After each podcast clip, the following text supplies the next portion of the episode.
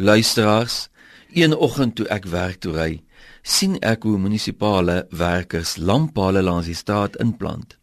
Toe ek laatmiddag terugry huis toe, sien ek dat die werkers 'n hele klomp pale ingeplant het terwyl ek by die werk was. Toe wens ek dat my lewe ook so betekenisvol kan wees, dat ek ook dinge kan doen waar ek in die aand se kant kan sien dat ek gedurende die dag regtig 'n duidelike en 'n tasbare verskil gemaak het waaruit baie mense voordeel sal kan trek. Ek dink baie van ons het dikwels die gevoel dat ons lewe leeg, doelloos en betekenisloos is.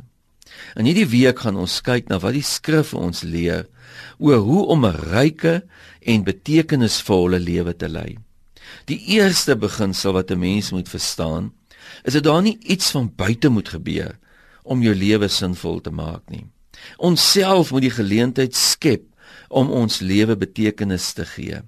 En dit begin gebeur wanneer ons wegkyk van onsself af en ander mense rondom ons in hulle nood bedien.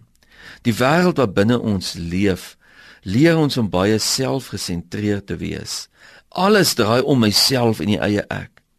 Jesus het egter vir ons 'n ander voorbeeld gestel. Hy is mos 'n uitstekende voorbeeld van iemand wat 'n baie betekenisvolle lewe gelei het. Sy lewe het groot impak gehad omdat hy nie op homself gefokus het nie, maar op mense rondom hom. Sonder dat iemand iets sê, het hy die weduwee by die dorp in Nain se hartseer raak gesien en haar lewenswêreld betree en haar nood aangespreek. Saggeus het probeer om ongemerk in 'n wilde vyeboom te sit.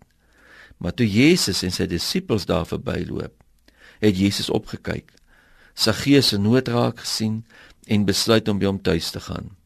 Dit was 'n keerpunt in Saggeus se lewe. Jesus kon 'n Samaritaanse vrou by die put se diepe lewensbehoeftes raak sien. En hy kon ook luister na Nikodemus se teologiese vrae en nuwe perspektiewe vir hom oopmaak.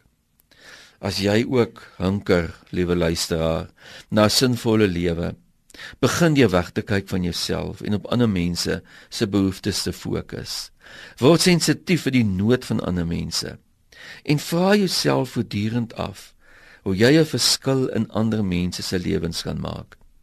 Terwyl Paulus in 'n tronk sit, skryf hy aan die gemeente te Filippi: Julle moenie net elkeen aan sy eie belange dink nie, maar ook aan die van ander. Here, maak asseblief my oë oop vir die nood van ander mense rondom my en wys my hoe ek kan inspel in hulle lewens. Amen.